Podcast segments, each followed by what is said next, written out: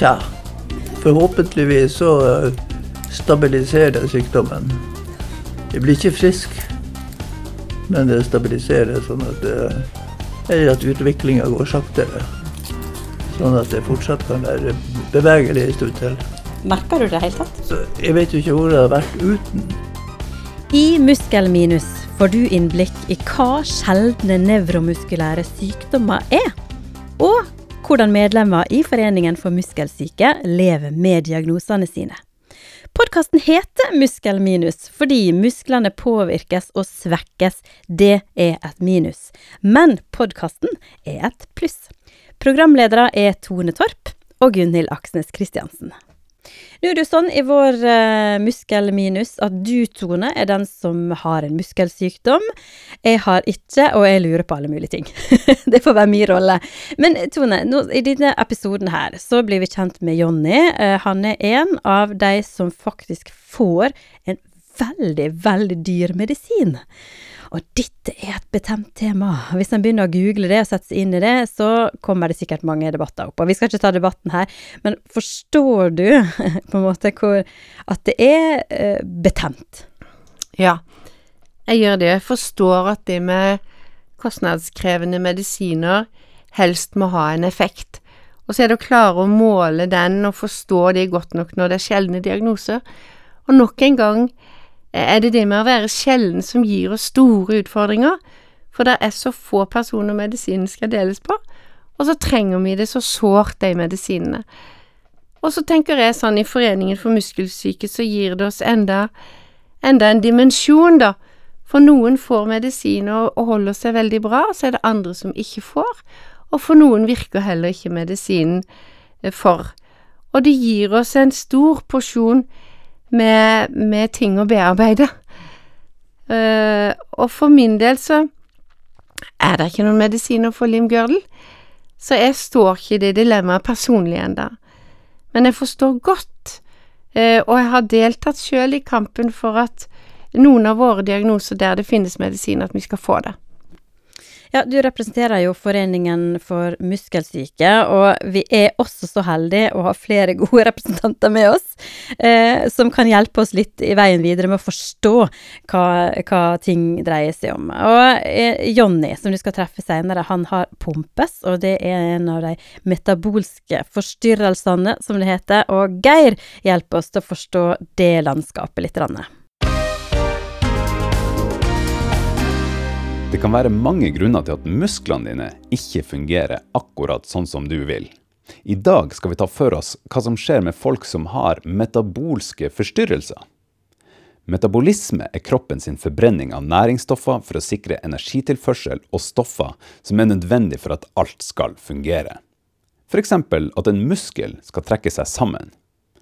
Men la oss forenkle det hele og sammenligne en muskelcelle med et gammeldags damplokomotiv. Se for deg hvordan det får sin fremdrift. Bak førerhuset er det ei vogn med kull. Kullet spas derfra inn i en ovn av fyrbøteren og omsettes til energi som gir toget fremdrift. Det er ikke så fryktelig ulikt sånn metabolisme fungerer. Hvis vi overfører det til en celle, oppbevares glykogen, altså kullet, i cellen sitt energilager, kullvogna, og blir omgjort til energi av enzymer, fyrbøteren med spaden sin. Den metabolske forstyrrelsen som forårsaker f.eks. For McArdle, ligger i transporten mellom kullvogna og forbrenningsovnen. For McArdle-pasienter er det litt som at fyrbøteren sin spade er bytta ut med ei spiseskje. Dermed har enzymet altfor liten kapasitet, og motoren får ikke nok drivstoff, og det utvikles for lite kraft. Typisk for akkurat denne metabolske muskelsykdommen er at lokomotivet kan klare seg ok på flate strekninger, men får problemer hvis det plutselig trenger masse ekstra energi, som f.eks. når du møter en oppoverbakke.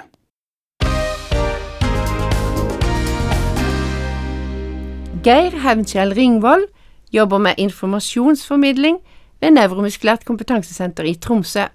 Pumpes er en sjelden muskelsykdom, og man kan telle på fingrene faktisk hvor mange i Norge som har den, og en av disse det er Jonny Johansen. Nordlendingen bor i Oslo, og annenhver uke får han en dyrebar medisin. Vanligvis så skjer dette hjemme hos han sjøl, men akkurat denne gangen så møter vi han på Ahus, mens han rigger seg til for en flere timer lang prosedyre. Men han må Ja, kanskje få fingrene her, så litt mer, mer lys her. Ja. Kan, kan du få den senga der, da, Jeanette? Den der? Ja, det er hans, ja. Nå er det rett før medisinen kommer. Du kaller det en infusjon. ja. Og hva er det egentlig du skal putte inn i kroppen din nå om få minutter? Eh, Selve medisinen kalles myosym. Og den uh, bruker de et par-tre timer på å blande ut. Ja.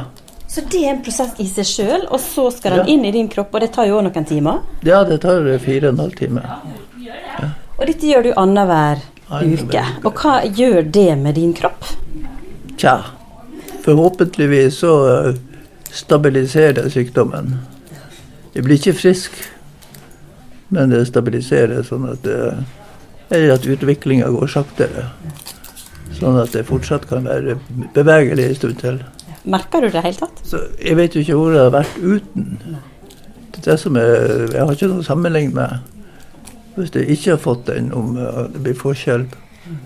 Fortell oss om sykdommen din. Pumpes sykdom. Ja, altså det rammer eh, de store musklene i hoften og skulderen. Og så går det på diafragma, pust. Jeg har bare 40% av normalt pust, og så puster jeg med overkroppen og ikke med magen, som er ganske normalt andre gjør. Men vet du at altså, du sier hofte, det er skuldre, og det er det, og puster. Det er ikke sånn at dette er en utvikling i flere muskelparti? Nei, altså hovedsak er jo hofte og det øverste partiet. Altså fra knærne ned så er det helt greit. Det er derfor jeg kjører bil. Ja, så du kan på, trykke på Ja, jeg bruker pedalene, ja. Ja. Og uh, sterke i armene fortsatt. Jeg går litt uh, inne hjemme sånn. Men da er jeg avhengig av at jeg har noe støtt meg inntil. Sånn. Du skal få tatt uh, Paraceten din. Nå fikk du litt vann her. Ja. Det er greie med det her på Ahus. Ja, kjempebra. Det er jo rene festen å komme hit? Du er ganske Jeg merker jo det, at du er en kjent mann her. Ja, ja, ja. Du har vært her uh, mye. Ja, det har jo vært her. du er fra Jeg starta medisin i 2011. Var det da du fikk diagnosen? Den fikk jeg i 2009. Og så var det jo en kamp for å få medisiner. Det fikk jeg vel innvilga i slutten av 2010. Hva slags kamp er det det har vært for deg å få denne her medisinen? Altså, det første var jeg fikk beskjed om at det, det var for dyrt. Men så har jeg jo en, en genetiker som uh, gikk inn for jobben å få det godkjent. Arvid Heiberg. Har det ikke vært for han, så har jeg nok ikke fått medisiner. Han var en lege til som, som talte min sak. Ja, For de sier er, er, Altså, dyr medisin, er det ganske sånn noe krevende tema? Vet du hvor mye det koster, dette her? Ja, det koster borti fire millioner i året. Må du betale noe av dette her sjøl? Nei. Alt dekkes av helsevesenet. Men når det er sagt, dette er en medisin for den som har pumpes. Hvor mange er det det gjelder i Norge i dag? Jeg er litt usikker på om vi er seks eller syv, men det er jo oppdaga noen nye tilfeller òg. Så det, det, kan nærme seg ti. Det er ganske unikt. Da er dere få i Norge. Kjenner dere hverandre noen? Ja da, jeg kjenner jo flere. Jeg har nylig fått kontakt med en borte på, på Møre og, som har fått diagnosen og fant meg i et, ja, på internett. Men hva det betyr da, å få være en som kan det litt, for noen andre? Ja, det syns jeg er greit, det. Jeg har en lang samtale med han som var nydiagnostisert, og som fikk avslag på medisin. Er det enden på visa, det da, Det, eller? jeg vet jo ikke. Han kommer jo antagelig til å kjempe for å få, men foreløpig har han fått avslag. Hva, hva slags tanker får du av framtida når du sitter her da i eh, over fire timer og, og får medisin? Jeg begynner å bli så gammel, jeg har ikke noe framtid. Så sånn, det sett, sånn sett så eh, Nå er det begynt barnebarna å strømme innpå sånn og så er det det jeg gleder meg over. Så. Strømme innpå, har du mange? Ja, jeg har fått to og venter tredje. Oi, oi, oi. Jeg først starta opp, så Hei, Linnea heter jeg. Hei. Jeg er sykepleier her. Jeg kommer og for å hente denne røde dyrebare posen. Ja, det- her har vi den. Du hadde med egen pumpe og alt, så jeg. Ja, jeg har både pumpe og pumpe. Pumpe og pumpe. Det var fiffig. Yep. Det er du som er pumpeeksperten. Både i kroppen og på Både, både fysisk og psykisk. Ja. Pumpeeksperten Jonny skal straks i gang, og du får bli med om noen minutt. Lifehack 3. Bruke kroppen til å klø seg. Noen ganger hvis eh, jeg klør i hodet, så bruker jeg å klatre oppover ansiktet med fingrene for å få hendene over hodet. Og det pleier å funke ganske bra for meg. Jeg syns det er mye enklere. Så det var lifehack nummer tre. Nå skal vi tilbake til Ahus, der Jonny og jentene på avdelinga rigger til pumper med dyrebar væske, som nå skal infuseres i kroppen. Dette er edle dråper, altså. Ja, da kjører vi i gang. Da er det bare tålmodighet som trengs. Nå er du i gang med infusjonen din. Nå drypper det så sakte at vi nesten ikke kan se det engang. Eh, Og her blir du nå den neste timen. Du gir oss eh, tid til å reflektere. og da har jeg lyst til å spørre deg, Jonny. Hvordan merka du at du hadde noe rart med musklene dine? Jeg har jo tenkt i etterpåklokskapens klare lys at det har vært noe fra jeg var født. Jeg var ikke like rask som min jevnaldrende og, og, sterk, kan du si. Så det var noe i kroppen. Selv om jeg var en ivrig til å både ute og, og mye ute og leka og sånn, så var det likevel at det kom til kort i forhold til mange aktiviteter som andre gjorde. Men hva var det som gjorde Hvordan var ståa da du fant ut at her må vi undersøke noe? Da var det så sent som 90-tallet at jeg merka at jeg begynte å ha problemer med å holde meg våken en hel dag. At jeg kunne duppe øh, rett som det var. I 95 da var jeg ganske nedkjørt. Og i øh, 96 da ble jeg lagt inn i, øh, med lungebetennelse.